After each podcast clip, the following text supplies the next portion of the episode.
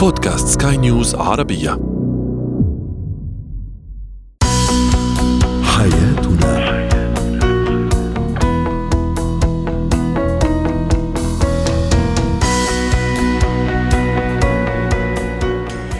مستمعينا الكرام أهلا بكم معنا إلى حياتنا. فضاؤكم اليومي الذي يعنى بشؤون الأسرة وباقي الشؤون الحياتية الأخرى والذي يمكنكم الاستماع إليه عبر منصة Sky News Arabia dot com slash podcast وباقي منصات سكاي نيوز العربية الأخرى. شاركونا عبر رقم الواتساب 009715618886223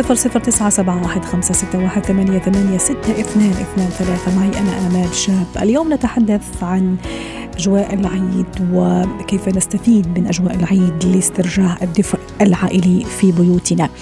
أيضا كيف أساعد الطفل على استخدام الحمام؟ أكرمكم الله والتخلص أيضا من الحفاضة. متى يبدأ العمر تحديدا؟ وما هي الطرق التربوية السليمة والصحيحة؟ وأخيرا ما هي الأشياء؟ وكيف أحب مكان العمل بشكل أفضل يوما بعد يوم؟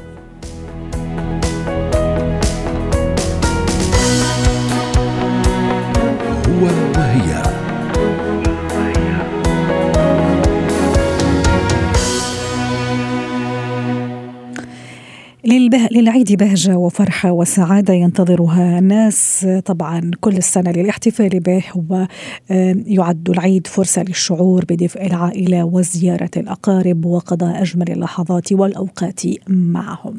كيف نستفيد من أجواء العيد لاسترجاع الدفء العائلي في بيوتنا وفي أسرنا؟ للحديث عن هذا الموضوع رحبوا معي بدكتور خليفة المحرزي رئيس المجلس الاستشاري الأسري. سعد أوقاتك دكتور خليفة.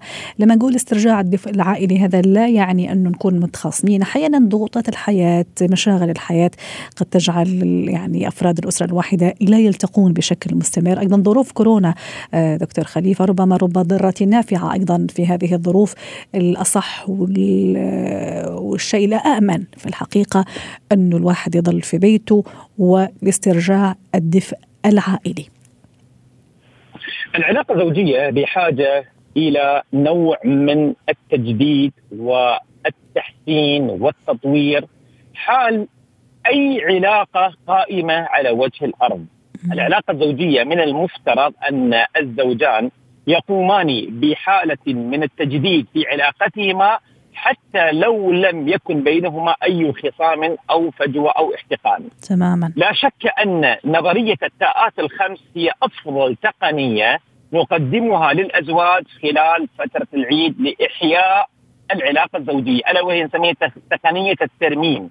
ترميم العلاقة الزوجية، كل علاقة زوجية لابد أن تمر ببعض الفجوات، الاحتقان، الخلافات، الصدامات، طالما لدينا شريكان يختلفان في الخارطة السلوكية لكل منهما اختلاف المعتقدات، في الاهتمامات، في الحاجات، في الثقافات، في الأولويات، في الهوايات، سيكون لدينا نوع من عدم التوافق في العلاقة الزوجية وهذا أمر طبيعي يصبح في كل علاقة زوجية لذلك نحتاج إلى شكل من أشكال الترميم لهذه العلاقة الزوجية حتى لا نصاب بحالة من التراكم الانفعالي حتى لا تصيب العلاقة شيء من الاحتقان أو شيء من التوتر في هذه العلاقات الزوجية، نحتاج إلى شيء من التجديد في العلاقة، صح. نحتاج إلى شيء من التواصل مع بين أفراد العلاقة اللي هو أهل الزوج وأهل الزوجة. ورائع وأجمل أيضا دكتور خليفة إذا كان في حافز أيضا يحفزني وأتصور ما في أجمل ولا أحلى ولا أروع من أجواء العيد حيث اللمة، الصفاء، التسامح، أليس كذلك دكتور خليفة؟ آه لا شك أن تكريم الشريك خير دليل على استدامة المشاعر الجميلة. م- أنا أتمنى لو كل كل زوج يبادر ب بثقافه نسميها هديتي لزوجتي، أكرم زوجتك في خلال هذا اليوم المبارك، أكرمها بكلمة طيبة، برسالة، بهدية متواضعة، هذه المبادرة الذي يقوم بها الرجل سيعطي دافع جميل للزوجة لكي تبادل لأن من طبيعة المرأة أنها تبادل المشاعر الجميلة، لكن أغلب الأزواج للأسف يفتقدون لغة المبادرة، جميل أن نعطي لغة المبادرة خلال هذه الأيام المباركة، فيها أجر رباني، فيها أجر دنيوي، فيها مشاعر متبادلة لطيفة ما بين الطرفين وهذا يعطي نوع من التعزيز في العلاقة الزوجية ما بين الطرفين. رائع وهذا من دون شك أكيد يعني ينعكس ايجابا على أجواء البيت كله يعني لما يكون زي ما تفضلت هذا التكريم هذا هذا الاعتراف خلينا نقول بالجميل كل واحد طبعا تجاه الثاني الزوج لزوجته والزوجة لزوجها أيضا فأكيد هذا راح ينعكس ايجابا على أجواء البيت الأولاد وحتى المحيط يعني دكتور خليفة. آه، عندما نطبق آه، منهجية المصطفى اللهم صل وسلم عليه. لا يفرق مؤمن مؤمنة إن كره منها خلق رضي منها بآخر أعتقد سوف نتعامل مع علاقاتنا الزوجية بشيء من التغافل. ما في إنسان يخلو من الخطأ ما في إنسان يخلو من الزلل ما في إنسان يخلو من سلبية من السلبيات. لا يوجد هنالك يعني علاقة ملائكية تخلو من الأخطاء، لذلك الإنسان يجب أن يتغافل عن بعض الهفوات، يتغافل عن بعض الأخطاء أو بعض الزلات لكي تستمر العلاقه الزوجيه. نحاول قدر الإمكان أن نستخدم لغة التعظيم أي بمعنى التركيز على الأشياء الجميلة في الطرف الآخر وتعظيمها وتكبيرها وعدم آه، التعامل مع السلبيات على انها هي الأساس وإنما أن الإنسان يبقى في النهاية يحمل من السلبيات ويحمل من الهفوات. لابد أن نتغاضى لابد أن نتغافل عنها حتى تستمر العلاقة الزوجية بصورة جميلة. رائع. وزي ما تفضلت أنا في البداية دكتور خليفة آه، وأشرنا إلى موضوع الكورونا أيضا، كورونا للأسف ما زال موجود بيناتنا وأتصور الوعي راح يضل لازم يكون سيد الموقف آه، في في هذه الأجواء أجواء العيد. وأيضا فرصة يعني رب ضاره نافعة فرصة إنه الواحد كثير ما يطلع آه، ممكن اجراءات احترازيه ما كثير تجمعات، أيضا هذه فرصة للواحد يكون في بيته مع أولاده مع زوجته وتكون في بيتها أيضا مع زوجها وأولادها. هذا أيضا راح يكون عامل دافع آه، وحافز أساسي للواحد كمان آه، يسترجع الدفء العائلي. وهذه أيضا استكمال تقنية آه، الترميم مسألة التوطيد، توطيد العلاقة بين أفراد الأسرة الواحدة.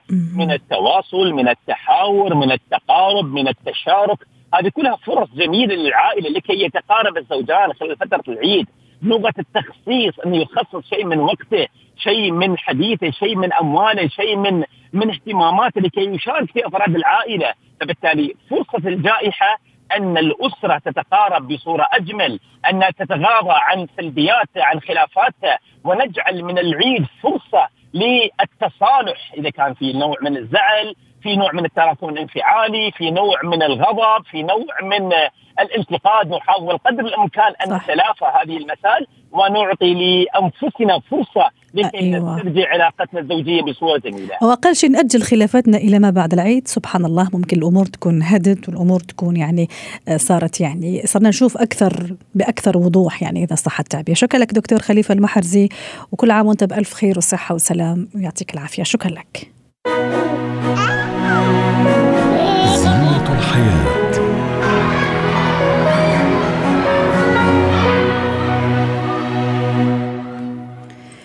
اليوم في زينة الحياة نتحدث عن تحدي ربما يواجه عفوا الكثير من الأمهات في البيت خاصة ابتداء من سن معينة اللي هو طريقة مساعدة الطفل على التخلص من الحفاض واستخدام الحمام بشكل طبيعي أكرك أكرمكم الله. للحديث عن هذا الموضوع رحبوا معي بدكتورة ريما بجاني الاستشارية الأسرية والتربوية ضيفتنا العزيزة آه، من بيروت. يسعد أوقاتك دكتورة ريما. أكيد الأمومة وتربية الأطفال وتربية الطفل ليست بالأمر الهين ولا بالأمر السهل يعني يتطلب صبر ويعني جهد كبير وطول بال وطولة بال.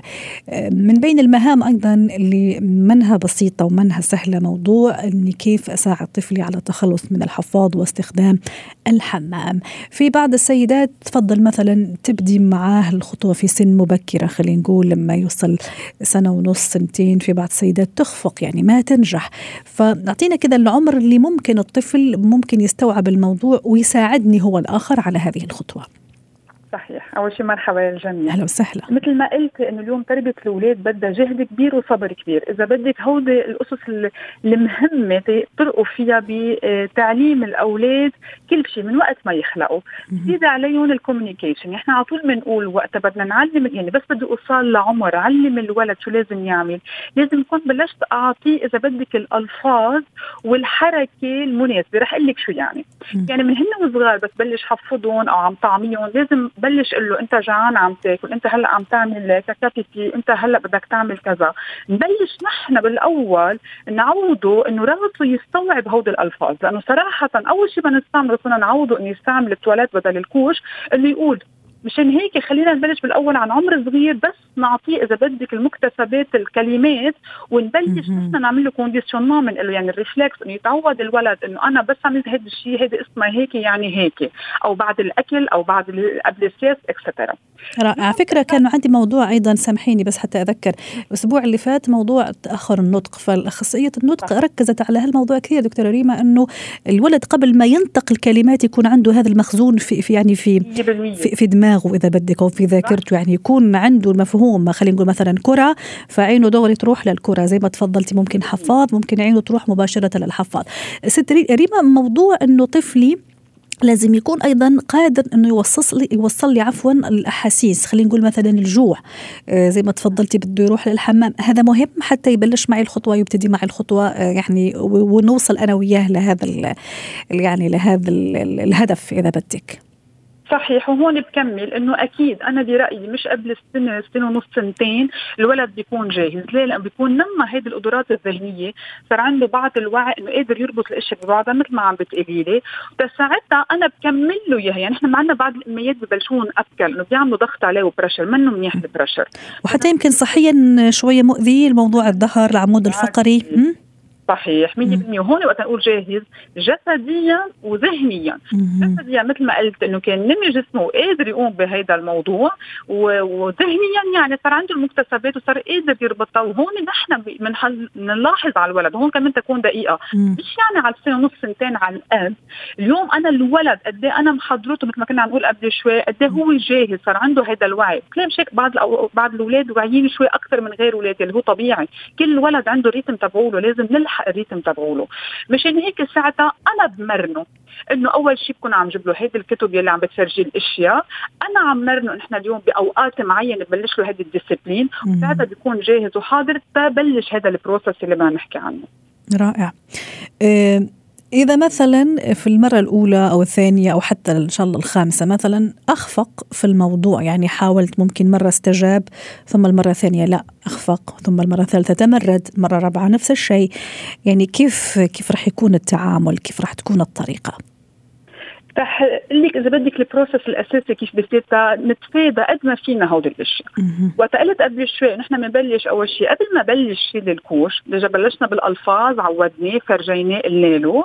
بلشنا بعدين نجيب كتب و videos نفرجيهم كيف التحول من الحفاضات للتواليت لإستعمال التواليت بس بلش ضروري يكون عم بمشي على معين. يعني بدي اعطيه وقت مثل ما قلنا. ممنوع حسسه بالذنب ممنوع اكون معصبة ممنوع عيط ابدا. هيك هود الأمور أساسية لأنه نحن اليوم بدنا نقوي له ثقته بذاته وهيك بتكون الأمور تكون هو عنده ثقة قادر يعمل بهودي الأشياء. لازم يكون بلش يحكي تيعبر إنه هو بده يعمل pipi caca okay؟ ولازم على الأكيد تكون بلش على القليلة في بعض الأمور هيك نحن بننتبه لها. يمكن صار يطول تيعمل بال couche. رح تغير ال couche بعدها شوي ناشفة. صار هو عم بيطول شوي صار عم هو يعبر بيقول لك عندي بال couche pipi caca هون إذا بدك هودي دلالات إنه هو جاهز تينقل. برايي بس نوصل لهالمرحلة رح تخف الاخفاقات رح أقول رح تخف المرة رح تخف. مشان هيك مثل ما قلت قبل شوي بيصير على طول نحن منظمين له بس يوعى بعد الأكل قبل السياس ضروري نعوده عريض بعدين أهم شغلة اوقات الأهل بحطوه على البو بيتركوه منا منيحة ابدا لأنه بيتعود عليها. ما لازم أو نعطيه لعب بسرعة يلتهي فيهم. آه ضروري يكون عندنا وقت معين دقيقتين ثلاثة أربع دقائق ماكسيموم ما قدر يمشي الحال يقوم. من بعد ما قام عامل اللعبة إذا فينا نقول عامل البيتي برات البو أكيد لازم نكون رايقين معه ونقول له ماشي الحال مرت الجاي رح تزبط. المفروض إذا بقينا هيك معه بيمشي الحال. جميل. دكتورة ريما أيضا في بعض الأمهات ويا ريت أيضا تعطينا رأيك في الموضوع من الناحية التربوية إذا كان طريقة صحيحة ولا لا. وهي عم تدرب أيضا طفلها على التخلص من الحفاض واستخدام الحمام بشكل عادي وطبيعي. أه، يعني تفضل إنه لا هي بتضل أيضا أه، تستخدم له الحفاض يعني عرفتي كيف؟ كطريقة آمنة إذا بدك. هل هذا صحيح ولا لا؟ أنا once بديت معه هذا الكورس بين قوسين إذا صح التعبير راح أكمل معه حتى أعطيه الشعور إنه لازم يعتمد على نفسه. صحيح. أنا كيف بقسم لهم إياها؟ بقول لهم أنا وقت نشيله completely هون رح بلشك من الآخر ممنوع نرده. لأنه أوقات في بعض الأهالي إذا شلوه بالنهار بخلوه بالليل لا هون رح اوصل لك عليها. بس رح أقول لك ال potty training كيف بتكون بالأول بمعنى أنا مش اوتوماتيك بشيله يعني بعض الحكماء كمان أطباء الأطفال بينصحوا إنه نشيله نحطه على طول نرجع نحط ال couche. هلأ من وجهة نظري أنا من بعد ما كنت عملت كل يعني كل هذا الوقت أنا عم عوده عم بقري له عم خبره موجود ال couche. آه عم ال couche اللي هو الحفاض يعني؟ الحفاظ نعم sorry نعم الحفاظ. موجود بيكون. so برأيي و once انشال وقادر يعمل كذا مرة ورا بعضهم خفوا كثير بالحفاظ لازم نشيله وما بقى بنرده يعني هون أنا بدي النقطة الأساسية. لحقنا وشلناه ما بقى نرده لأنه بنرجع بنعمل له conditionnement بنرجع بنعوده عن جديد وبيرجع بيرخيها. الولد ما له جلاده هات لك اياها من الآخر؟ فيهم يكونوا تعلموا الأولاد ورجع اوقات تعمل بالليل بتخته أو بثيابه ما تفكري إنه ضيع ال entraînement يعني ضيع اللي علمناه لا اوقات بيكون ما له جلاده مشان هيك هون ما لازم نكون خايبين الأمل أو نحسسه إن إحنا معصبين أو أيوة. ضد ال couche ابدا ابدا. خاصه بالليل وفي المقابل دكتورة ريما حتى نختم أيضا على خير ونودعك اليوم. إحنا اتفقنا إنه أكيد ما لازم نعنفه ولا نغضب منه ولا نصرخ ولا ولا ولا. آه، موضوع الثواب أيضا. ممكن أيضا يعني نكافئه ولا لا؟ يعني هو عم يتعلم شيء في النهاية لصالحه ولا فائدته لصالحه. هلأ هون دقيق كثير الموضوع. مثل أنا أكيد العقاب ابدا ابدا. يعني عن جد عم برجع اشدد لأنه فيها تعمل له أزمة كبيرة okay؟ الثواب هلأ هيدي فرويد بيحكي عنها إنه هن صغار بس يعملوا هيك كاكاو الأم بتنبسط وبتضحك وبتزقف وبيربطها الولد وبيكمل كل حياته وهيدي لها خبرية مهضومة عند فرويد المهم آه، آه، آه، مش إن يعني مش نعطيه كادويات وما بعرف شو بس أكيد فينا نهنيه نهنيه بكل شيء بالحياة إنه على قد برافو ماما. هيك بس. بهالقد يعني حتى بدون انفحاط كبير برافو أكيد لازم كمان نحن نقول له إنه أنت عملت شيء منيح بس من دون ما نحس إنه أوف يربحنا جميلة باللي عمله. شكرا لك دكتورة ريما بجاني وإن شاء الله نتمنى يعني كل أم ناوية تدخل يعني في في هذا المهمه لمنها ببسيطه نتمنى إنه فعلا توصل لهدفها. شكرا لك دكتورة ريما بجاني الاستشارية التربوية والأسرية ضيفتنا العزيزة من بيروت. مهارات الحياة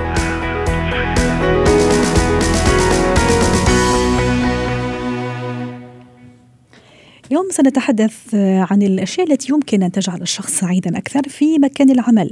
رحبوا معي بدكتورة سلوى عفيفي خبيرة الاتيكات ومدربة مهارة الحياة ضيفتنا العزيزة من القاهرة. يسعد أوقاتك دكتورة سلوى. كان هذا سؤال تفاعلي على منصات سكاي نيوز عربية ما الذي يمكن أن يجعلك سعيدا أكثر في مكان العمل؟ تعليقات تنوعت في الحقيقة يعني تعليق يقول نوعية العمل أصلا هي اللي راح تحدد ما إذا كنت سأكون سعيد ولا لا؟ آه، تعليق آخر يقول تجاهل النفوس النفوس المضطربة والتركيز على ما نقوم به. آه، الراتب الجيد وفريق عمل متجانس وتبادل المعلومة بشكل سلس. احترام الزملاء لي وإعطاء قيمتي والمدير أن يكون أيضا متفهم. وأيضا تعليق آخر يقول الفريق المحترم أيضا هذا يجعلني من من الأشخاص الذين يكونون سعيدين أو يكونوا سعيدين في مكان العمل. آه، دكتورة سلوى أكيد في مكان العمل في أشياء إيجابية أشياء سلبية. في ناس ممكن تتفقي معاهم في ناس ما تتفقي معاهم في أيام تكوني فيها مثلا في مود كويس أيام لا. آه، يعني عوامل كثيرة في الحقيقة تدخل في آه، في هذا الموضوع. يعني من ساعة ما نبتدي ساعات العمل لغاية ما يخلص يوم العمل. كيف أنا أتغلب على هذه الأشياء السلبية وأستفيد أيضا وأركز على الأشياء الإيجابية حتى أكون سعيدة في مكان العمل؟ يسعد أوقاتكم كل عام وأنتم بخير. وأنت بخير عيدك مبارك وكل عام وأنت بصحة وسلامة يا رب. ينعاد عليكم. شكرا. كيف أجواء العيد في في القاهرة؟ يلا مدام. آه خلاص يعني أهو. بدأت لسه بدأت. الخروف جاء ولا لسه؟ لا حر. صراحة الخروف آه. الخروف جو ولا بعد؟ آه الخروف موجود آه. يلا بالصحة وربي يتقبل إن شاء الله. شكرا آمين منا أجمعين. آه الإيجابية طبعا هي يعني شيء يمكن أن يغير حياتنا إلى الأفضل وخاصة إذا كانت نابعة من عقلنا. آه في أيضا نقول دائما يعني حب ما تعمل حتى تعمل ما تحب. صحيح. يعني طالما أنا قبلت إني أنا أعمل في هذا هذا ربما جواب على أول تعليقي يقول لك حسب نوعيه العمل إذا ما أحب العمل أكيد ما راح أكون سعيد وهذا شوية فيها مشكلة يعني الشيء الآخر هو هل أنت اسأل نفسك هل أنت من الناس اللي تنظر إلى النصف الخالي من الكوب أم النصف الممتلئ مثلا؟ م. هل أنت دائما تركز في عملك؟ هل أنت فعلا منشغل في عملك وبالنتائج؟ ولا أنت قاعد فاضي زي طق الحنك زي ما بيقولوا أو للنميمة والشائعات وده أخذ وده عمل وده سوى والغيرة وال أو الخوض في موضوعات يعني مش بس حقول لا تقدم لا بالعكس هي تؤخر مثلا. مثل التحدث في السياسة أو التحدث فيما لا يعنينا أو الخوض في خصوصيات الآخرين. كل هذه الأجواء أو السلوكيات آه، يعني تعم على المكان فعلا. فبناء العلاقات الطيبة ليس بالضرورة أن نكون أصحاب أو أصدقاء. خلينا بس على الأقل زملاء فيما آه، يعني في في المنطقة المشتركة أو في المنافع المتبادلة. ودائما نفكر بطريقة الوين وين أو مكسب مكسب يعني نجاحك لا يؤثر على نجاح مثلا زميلتك طيبة مثلا. هي اللي اتصلت بي على فكرة. عشان ترتب لك انت أنت خير ما يعني طيبة يعني أعطيتي المثال الصحيح. فعلا. لا بجد أنا دائما أضرب بكم المثل إنه يعني الاستاذه شذا مثلا ممكن تتصل فيا إذا كنت على الهواء أو غيرها أو أو أو. هل هذا يعني يأخذ من نجاحها اطلاقا؟ نفس الشيء في حلقتها ممكن انت تساعديها. فحقيقي يعني أنا بشوف إنه ده مثال رائع ل آه، إحنا في شغلنا أحيانا مثلا. ممكن حد يطلب مني تخصص معين ولست أنا الشخص المضبوط. أنا أعمل له تحويل على زميلة أو زميل. صحيح. على فكرة هذا هذا أيضا تعليق هبة يقول شوفي أنا عم طالع التعليقات آه، التطوع. يقول هذا من تقول هذا من الأشياء اللي تجعلني سعيدة كثير في مكان العمل. يعني نفس الفكرة يمكن اللي عم تحكيها. يعني آه. آه، أستاذة سلوى أنه يعني التطوع ممكن لمساعدة زميل أو زميلة إذا احتاج شيء.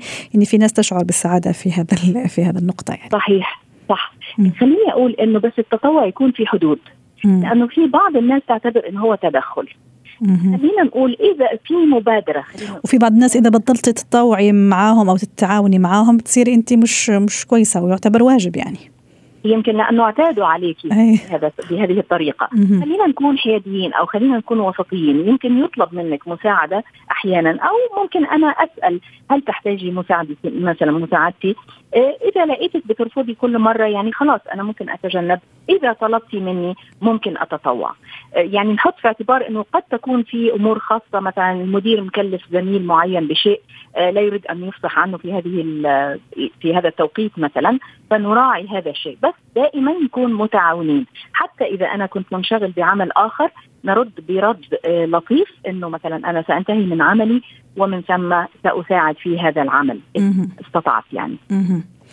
محمد أيضا من بين التعليقات اللي وصلتنا دكتورة سلوى يقول التعلم الدائم أه، يجعلني أكثر سعيد أكثر في مكان عملي حتى أحيانا رغم الأجواء السلبية التي تسود العمل وتسود فريق العمل أو بعض أعضاء فريق العمل إلا أن التعلم الدائم يجعلني سعيدا أكثر في العمل.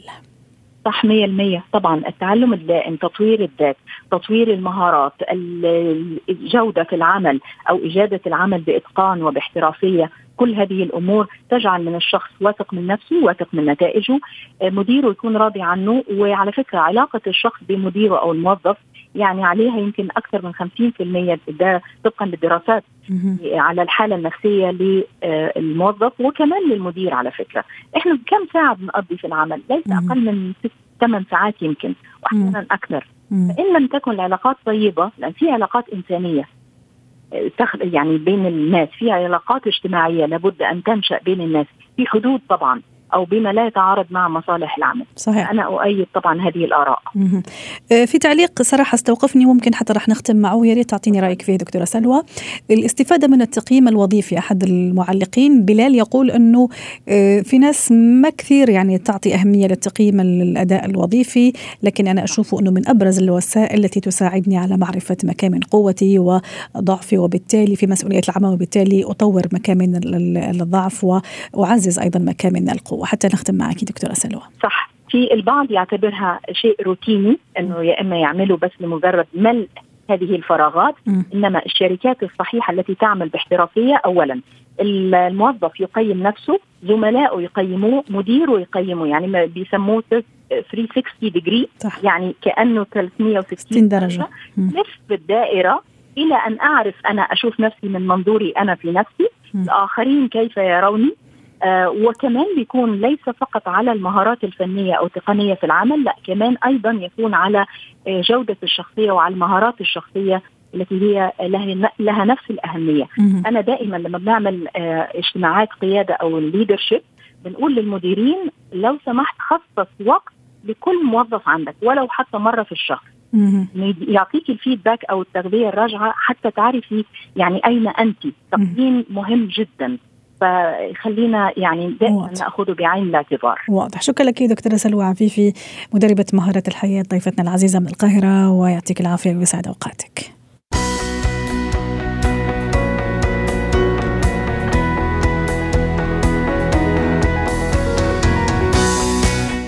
ختام حلقة اليوم من حياتنا، شكرا لكم والى اللقاء.